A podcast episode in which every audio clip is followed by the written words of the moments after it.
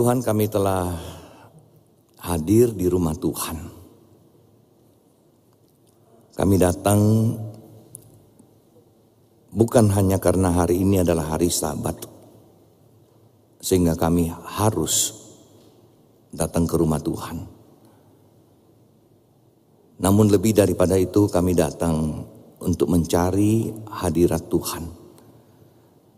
Berjumpa dengan Tuhan melalui pujian, firman, dan kami rindu ya Tuhan, melalui ibadah kami, hidup kami boleh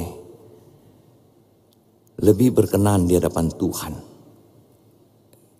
Ketika kami mendengar firman, kami mengaplikasikan firman ini kepada diri kami sendiri. Dan melihat, menyelidiki hati kami. Adakah firman hari ini menegur,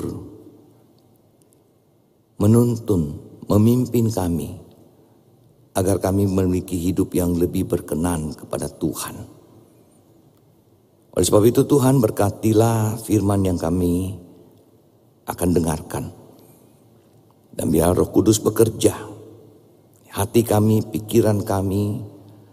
Dan berikan kerendahan hati. Untuk menerima, mentaati akan firman. Urapi hambamu juga ya Tuhan.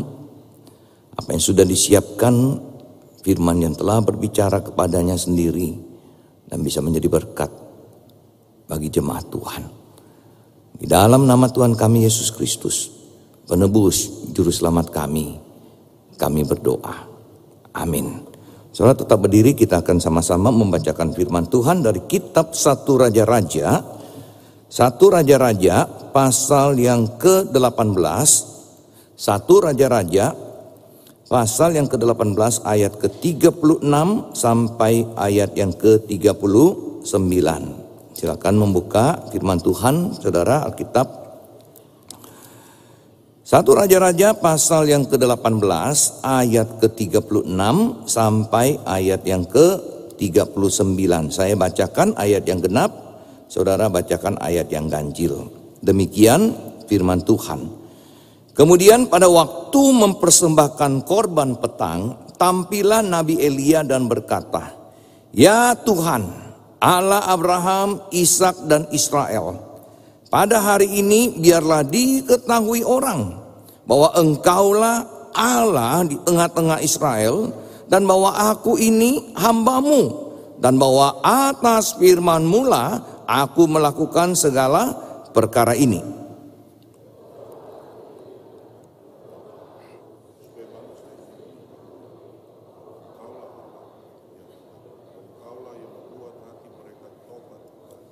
Lalu turunlah api Tuhan menyambar habis korban bakaran, kayu api, batu dan tanah itu, bahkan air yang dalam parit itu habis dijilatnya.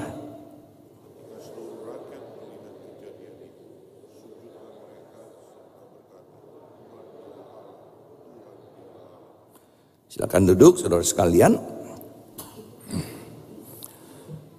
Saudara tadi malam tidur jam berapa? Bangun jam berapa? Waktu tidur kita ingat nggak? Eh besok pagi saya harus ibadah. Kebaktian jam 7. Harus bangun jam berapa?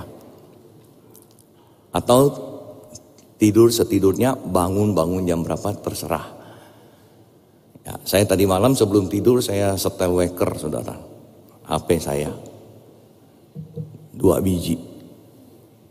5.30 takut wakernya nggak bunyi. Pernah satu kali saya pelayanan di Citra, wakernya nggak tahu malam saya kecilin volumenya nggak nyala paginya. Udah trauma saudara.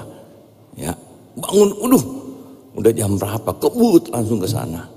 Sejak saat itu setiap pagi hari Minggu dua waker jam berapa saya saya harus ada di sini tadi berdasarkan surat dari gereja harus tiba 6.30 ya karena mau doa 6.30 harus di sini bangun 5.30 Lihat jam, udah jam berapa? Jam berapa? Saudara, ketika kita ke rumah Tuhan mau beribadah, apakah kita menyiapkan diri kita untuk betul-betul datang ke rumah Tuhan? Mau beribadah. Jangan sampai telat, ya. Dan saya mau beribadah dengan sungguh-sungguh kita rindu ke rumah Tuhan. Nah, saudara, tema kita hari ini adalah intense prayer and worship. Apa artinya intense? Saya cari-cari kamusnya saudara ya. Intensitas adalah kita kata yang terkadang dikaitkan dengan gairah, kuantitas, dan kekuatan. Intensitas adalah kata yang digunakan ketika membahas tingkatan sesuatu. Tingkatannya apa nih? Levelnya di mana nih? Nah, itu intensitasnya. Saya minum kopi. Intensitasnya beda-beda. Ya, yang paling ringan apa? Kalau di kita yang biasa minum kopi, americano. Itu kopi espresso dikasih air. Jadi encer kita minum. Satu kali saya ingat dengan seorang hamba Tuhan juga namanya Dedi, ya Dedi Sutendi pergi Kemudian di ini ya pasang apa? Dia lihat-lihat. Terus dia bilang, "Saya itulah espresso." Wah, ya saya bilang, "Oh, kalau saya minum ini." Oke. Begitu dikasih, gelasnya kecil sekali. Dia bilang, "Kok dikit sih?" Ya. Nah, Saudara, dia belum pernah ternyata minum espresso. Jadi kecil sekali, pekat sekali. Intensitasnya beda saudara, kepekatannya. Nah gairah di dalam kita beribadah saudara, intensitas beribadah, intensitas berdoa itu berkaitan dengan gairah itu kita. Kita punya gairah. Ketika berdoa kita sungguh-sungguh berdoa enggak atau kita hanya asal doa. Bangun pagi, Tuhan terima kasih atas makanan yang kau berikan. Loh, kebiasaan doa pagi siang malam Begitu bangun pagi, terima kasih atas makanan. Nggak lewat kepala lagi. Gitu ya kan. Langsung doa. Biasa. Datang ibadah, biasa. Datang, duduk, pulang. Apakah ada perubahan dalam hidup kita, saudara, ketika kita beribadah, beribadah, beribadah? Ketika kita dengar firman Tuhan, kita dengar dengan baik-baik enggak? Wah firman ini ada enggak yang saya harus ubah di dalam hidup saya. Atau kita selalu mengaplikasikan dengan kepada orang lain. Kalau kita selalu mengaplikasikan firman itu kepada orang lain, kita nggak bisa berubah, nggak mungkin berubah. Dan ketika kita dengar firman Tuhan, mungkin kita tahu, oh ini menegur saya. Tetapi kita punya rasio selalu membela diri, membela diri. Sesuai apa yang kita inginkan, sesuai apa yang lifestyle kita. Kita nggak mau berubah. Oleh sebab itu saudara di sini katakan tingkatan daripada sesuatu. Kemudian kedua intensitas sebagai sebuah konsep adalah bagian dari bahasa sehari-hari dalam berinteraksi. Orang sering mengatakan tentang intensitas olahraga, gaya hidup atau gairah. Dari akan intensitas Berapa seringnya dia lakukan sesuatu itu kita melihat itulah gaya hidup daripada orang itu. Saudara lihat anak-anak sekarang satu jam, satu hari pegang HP berapa lama? Ya, saya ponaan saya baru datang ya, koko saya anaknya kecil dia punya tablet nggak lepas dari tangan, saudara. Makan, taruh di tempat tidur, mobil, HP terus, tabletnya terus dia liatin. Nah saya bilang sama Koko, kok sorry ya, saya didik sedikit ya. Oh iya, memang susah ini diomongin. Nah, saya bilang dia, eh di rumah ini makan nggak boleh ada HP ya. Sana simpan HP-nya, tabletnya. Hmm. dia simpan. di mobil. Eh, di sini aturannya mobil nggak lihat HP ya, nggak lihat tabletnya. Oh, dia simpan. Kita mau pergi keluar, ya, ya sampai dia mau bawa tabletnya turun lagi di restoran, nggak boleh. Taruh di mobil. Saudara, intensitas. Itulah hatinya di sana, pikirannya di sana, semuanya di sana dari pagi sampai malam, saudara. Orang olahraga, intensitasnya, ah saya main badminton seminggu sekali. Ada orang main badminton seminggu tiga kali. Ada orang main badminton setiap hari. Ada orang main badminton pagi main, malam main lagi. Otaknya, hatinya olahraga, olahraga, olahraga terus. Nah bagaimana kita kaitkan dengan kerohanian kita? Dalam firman Tuhan yang kita baca tadi saudara. Kita lihat Elia di dalam berkompetisi, di dalam bertarung dengan apa? Nabi-nabi Baal. Nabi-nabi palsu. Saudara di sini kita diperlihatkan mereka itu mengatakan kamu punya Allah yang benar atau saya punya Allah yang benar. Ayo kita lihat yang mana yang benar. Taruh itu korban kasih kayu, ya kemudian kasih air lagi bahkan saudara Elia punya. Kalau kayu sudah ada airnya saudara kemudian mau dibakar susah. Tapi nggak apa-apa Elia bilang taruh di sana dan kita lihat. Kamu berdoa minta Allah kamu itu ilah kamu turunkan api. Dan kita lihat. Saudara kemudian kita tahu daripada kisah ini bahwa Nabi Baal itu berdoa, berdoa, berdoa, berdoa. Enggak ada api yang turun. Kering tetap tidak ada api yang menyentuh persembahannya. Namun saudara kita melihat bahwa Elia dia berdoa. Ya ayat yang kita sudah baca tadi. Dan kemudian api turun dan menjilat semuanya. Bahkan saudara dikatakan apa? Sampai airnya pun kering saudara. Ya sampai airnya pun kering. Itu ya. Lalu turunlah api Tuhan menyambar habis korban bakaran, kayu api, batu dan tanah itu. Bahkan air yang dalam parit itu habis. Kekuatan doa daripada Elia, saudara, didasari atas beberapa hal yang kita mau lihat hari ini. Yang pertama, saudara, kemuliaan Tuhan.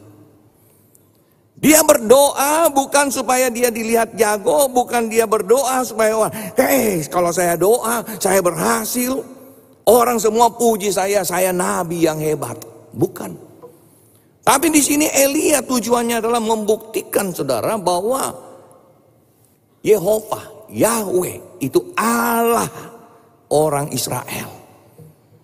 Dia benar dan biarlah orang itu mengetahui Tuhan inilah Tuhan inilah Allah yang benar. Jadi saudara ketika kita berdoa, ketika kita datang ke rumah Tuhan, kita beribadah. Hati kita harus memiliki sikap ini. Dia Tuhan, dia Allah. Kita harus dengar dia. Ya, bukan kita minta ini, minta ini, minta ini, minta ini untuk kepentingan siapa? Kepentingan diri sendiri untuk kemauan kita, untuk disatisfy saya, saya, saya, saya, saya. Salah saudara.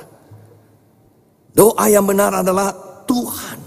Apakah Tuhan dipermuliakan? Apa nama Tuhan ditinggikan? Yang kedua saudara dia berkata juga. Ya, dan bahwa aku ini hambamu dan bahwa atas firmanmu lah aku melakukan segala perkara ini. Firman Tuhan yang menjadi patokan, firman Tuhan yang menjadi standar kehidupan daripada Elia. Ketika Elia berdoa, dia tahu apakah doa saya ini berkenan kepada Tuhan. Apakah sesuai dengan firman Tuhan? Apakah hidup saya sendiri berkenan sesuai firman Tuhan? Kehidupan yang saya jalani saat ini. Saudara sekali lagi ayat 37. Ya, jawablah aku supaya bangsa ini mengetahui bahwa engkaulah Allah. Engkaulah Allah. Dan saudara, pada akhirnya yang terjadi kita lihat di ayat 39. Setelah orang ini semua nabi-nabi ini orang-orang yang menentang, yang tidak percaya Tuhan, akhirnya mengatakan Tuhan Yahweh ini dialah Allah. Tuhan dialah Allah. Nama Tuhan ditinggikan.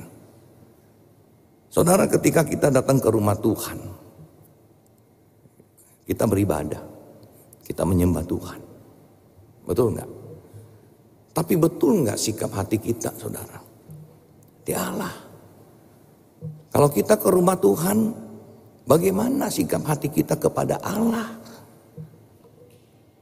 Bukan biasa, orang biasa, bukan.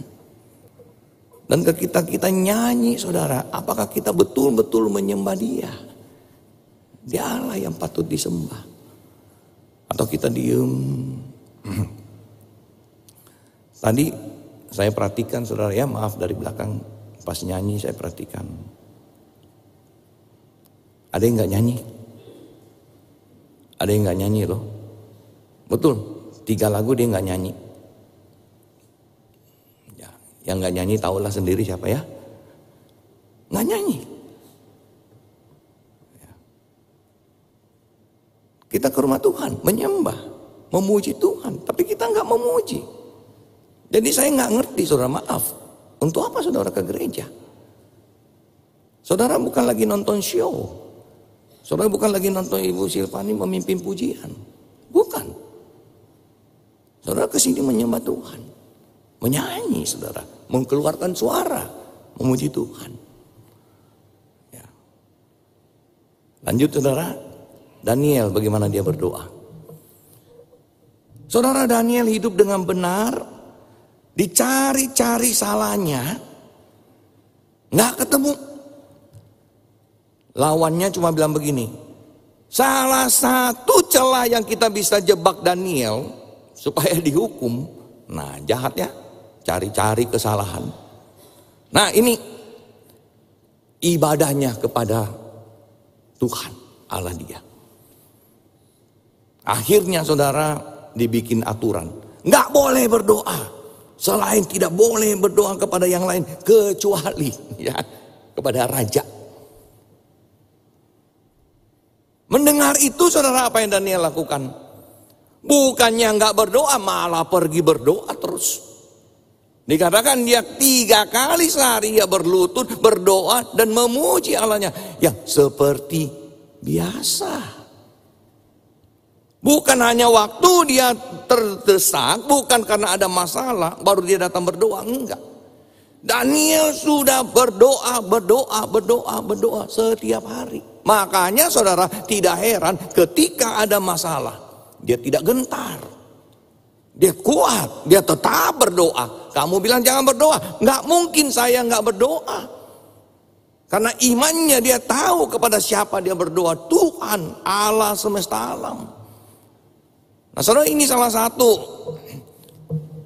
hal yang harus kita miliki. Saudara Daniel juga ketika dikasih makanan raja, suruh makan makanan yang sudah dipersembahkan, ini apa? Dia nggak mau. Dia dengan teman-temannya bilang, no, no, uh, kamsia kamsia ini, ya. Tapi kami tidak tidak mau.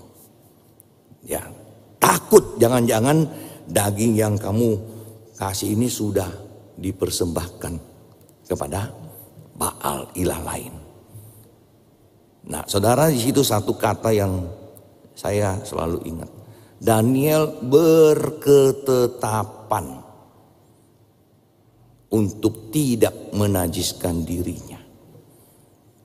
Dalam bahasa aslinya saudara di situ bisa juga diterjemahkan Daniel set his heart dia sudah menyetel hatinya untuk tidak menajiskan diri.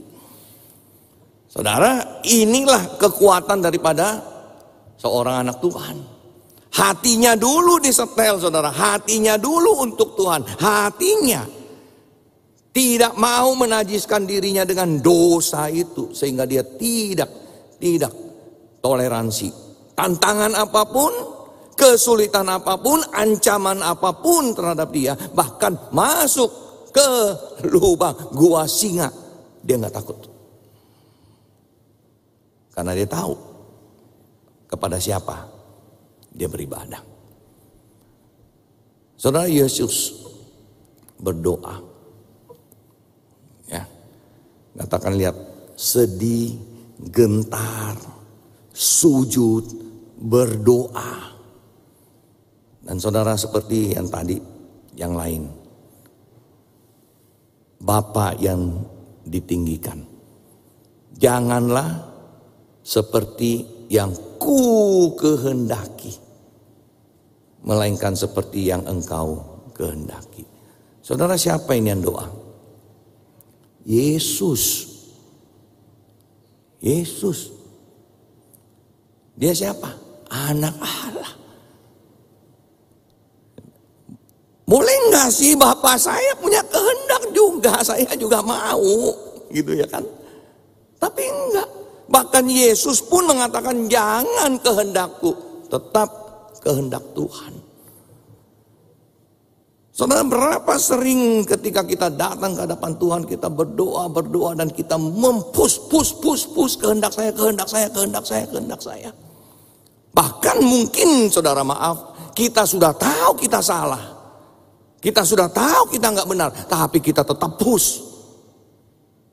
Pernah ada punya pengalaman enggak saudara? Saudara tahu suara roh kudus bekerja dan kamu salah terus kita berubah bertobat. Ada punya pengalaman gitu? Saya baru saudara.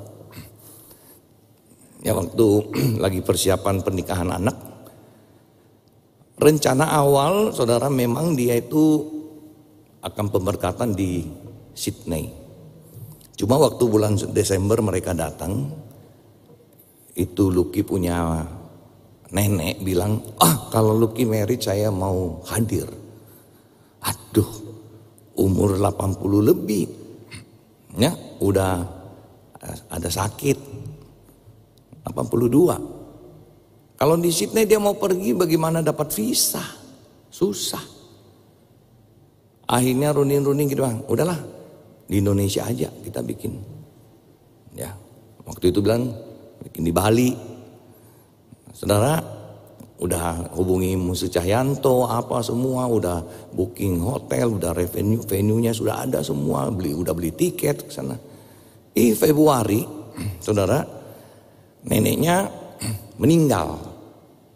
Eh, berarti neneknya nggak bisa hadir dong ya. Jadi Priscilla bilang tapi kan neneknya meninggal. Jadi uh, boleh nggak di Sydney lagi pemberkatannya? Nggak usah di Bali. Saudara tahu? Saya marah. ya saya marah. Wah, waduh ya. Ah. Berapa tuh ininya nanti dendanya itu venue-nya dibatalin berapa apa semua semua tiket udah beli apa wah macam-macam Sampai bahkan keluar saudara. Lu merit di sana lagi saya nggak pergi. Ya. Saudara, tapi di dalam waktu yang sekejap tiba-tiba nggak tahu. Ya semua juga bilang, iyo apa itu anak ini nanti di sini, nanti di sana. Nah. Terus keluar, balik lagi semua. Terus saya ngomong sama dia, ya udahlah di Sydney aja. Loh, tadi marah-marah bilang harus di sini. Saya bilang, nggak tahu nih, tiba-tiba sadar aja ditegur.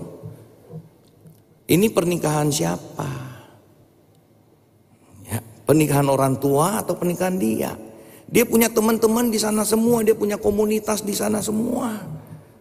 Ya dia pengen bawa teman-temannya yang orang-orang apa Korea, orang Nepal, orang apa banyak teman-temannya yang belum Kristen. Dia pengen kalau dia merit itu orang ke gereja. Dan betul saudara waktu dia married di situ, itu yang nyambut isi buku tamu itu anak Korea. yang belum pernah ke gereja. Dan akhirnya masuk gereja dengar khotbah. Saudara, tiba-tiba, Dedi, kamu salah. Anak, dia punya teman di sana semua. Kalau di Indonesia itu kamu, untuk kamu. Bukan untuk dia. Nah, uang gimana dong Tuhan? Nah, ya kan kita kan gimana dong kan sudah sudah bayar ini sudah DP apa? Berapa nilai relationship kebahagiaan anak dibanding uang? Akhirnya udah. Nah saudara kita harus menyadari kalau salah salah. Akhirnya saya bilang ya udah kan udah di sana ya atur tanggal berapa pak? Dia sampai bingung. Bener nih. Tadi habis marah-marah. Tiba-tiba datang WA berubah total 180 derajat. Saudara kita harus sadar. Oh ini saya nggak benar nih. Salah. Nggak bisa kita ngotot harus harus begini, harus ikut saya punya mau. Anak bisa terluka. Saudara, mari kita belajar Ketika kita berdoa, kita datang ke rumah Tuhan, kita beribadah dengar firman Tuhan. Apa yang Tuhan kehendaki? Bukan apa yang saya kehendaki dan apa yang saya sudah lakukan, bahkan salah, saya tetap tidak mau berubah.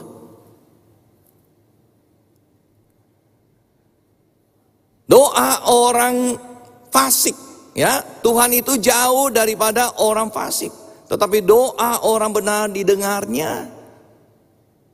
Dan di sini syaratnya saudara kita itu harus benar. Kita harus benar di hadapan Tuhan. Baru Tuhan dengar. Bukan buah doa, doa, doa, doa. Terus berdoa. Dan kita bilang kenapa Tuhan tidak jawab ya. Mungkin saudara apa yang kita doakan tidak kehendak Tuhan. Saya pernah cerita ada satu teman mau ke Amerika. Dad tolong doain ya, oh, tolong doain saya mau ke Amerika. Udah dua kali saya apply visa ditolak terus sama embassy Amerika. Dan kamu mau apply visa apa? Turis. Terus kamu mau ke Amerika ngapain? Mau tinggal sana. Loh. Rencana tinggal di Amerika nggak pulang. Apply-nya visa turis. Saya bilang, itu salah. Ya kan? Salah kamu. Saya doain nggak diterima lagi. Ih, jangan gitu dong. Sebenarnya kamu kamu jadi orang gelap. Nggak benar. Dosa. Ya kan? Saudara dalam hal ibadah. Dikatakan Betapa disenangi tempat kediamanmu ya Tuhan semesta alam. Jiwaku hancur karena merindukan pelataran pelataran Tuhan. Kerinduan di rumah Tuhan daripada pemazmur. Dia rindu, dia rindu ke rumah Tuhan, dia rindu. Bahkan dia mengatakan lebih baik, saudara ya. Dia karena lebih baik satu hari di pelataran daripada di tempat lain.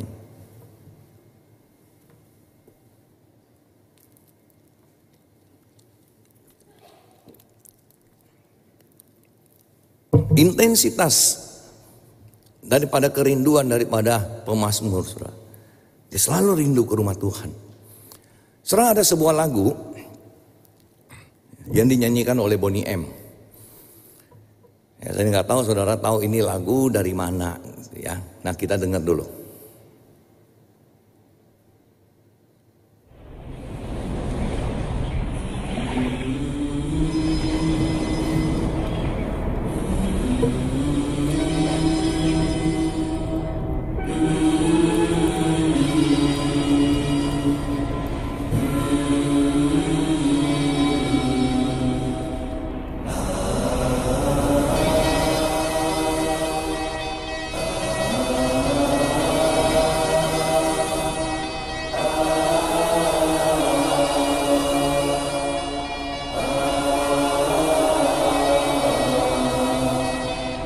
the rivers are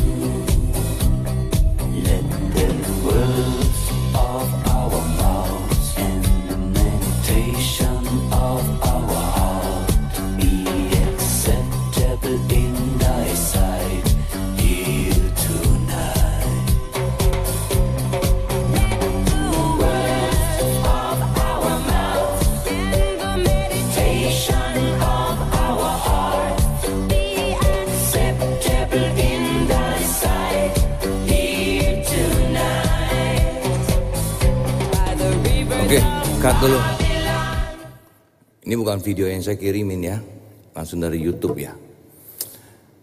Saudara, ada yang tahu Alkitabnya di mana?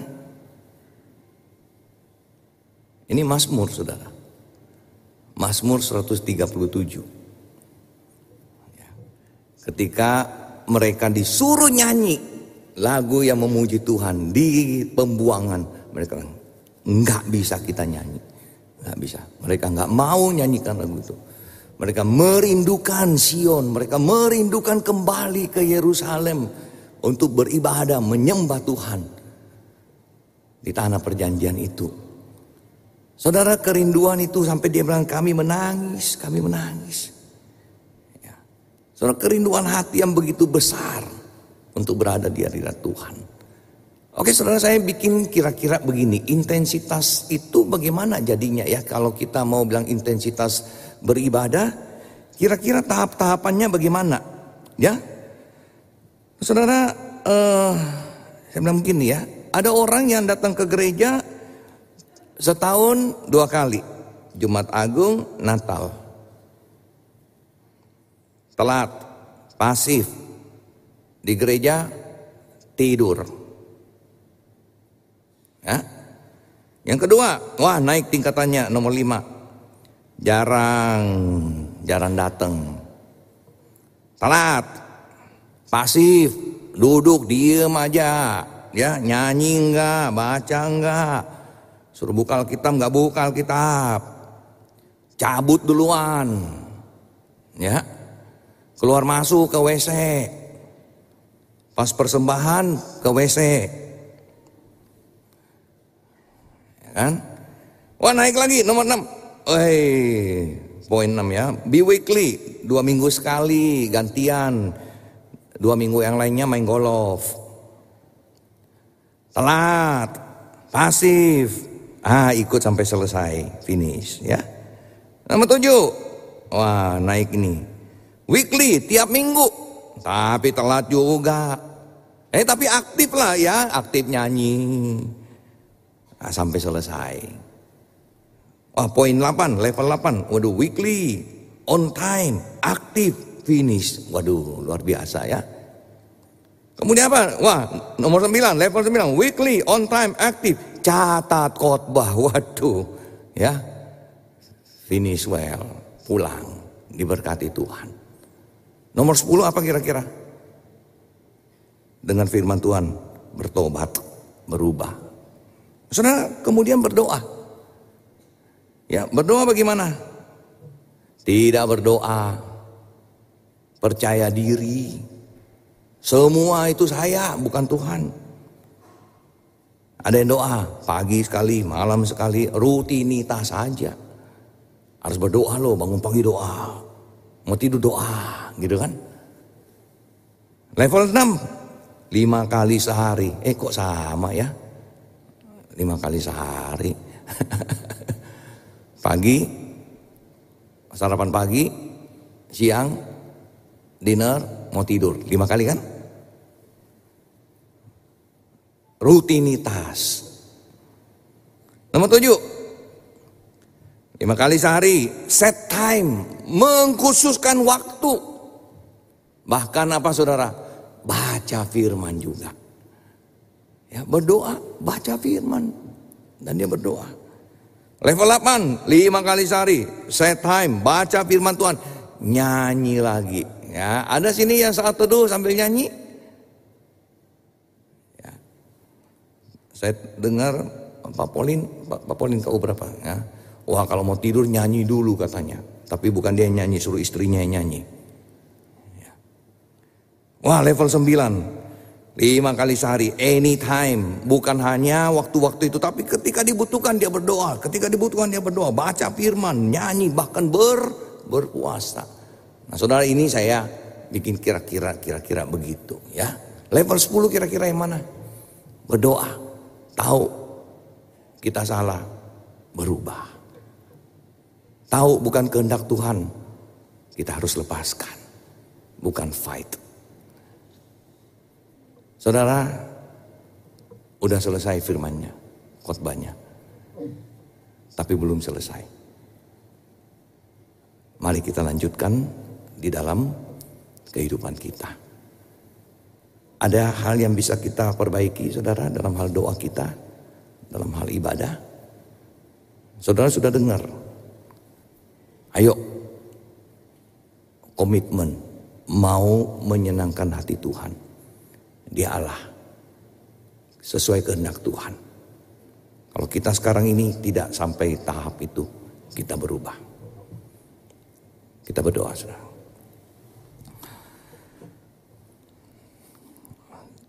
Saudara di akhir ibadah ini saya minta saudara membuat satu komitmen untuk satu hal.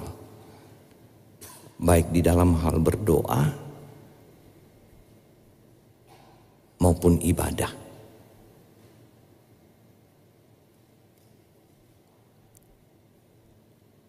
Buat satu komitmen di hadapan Tuhan untuk lebih baik.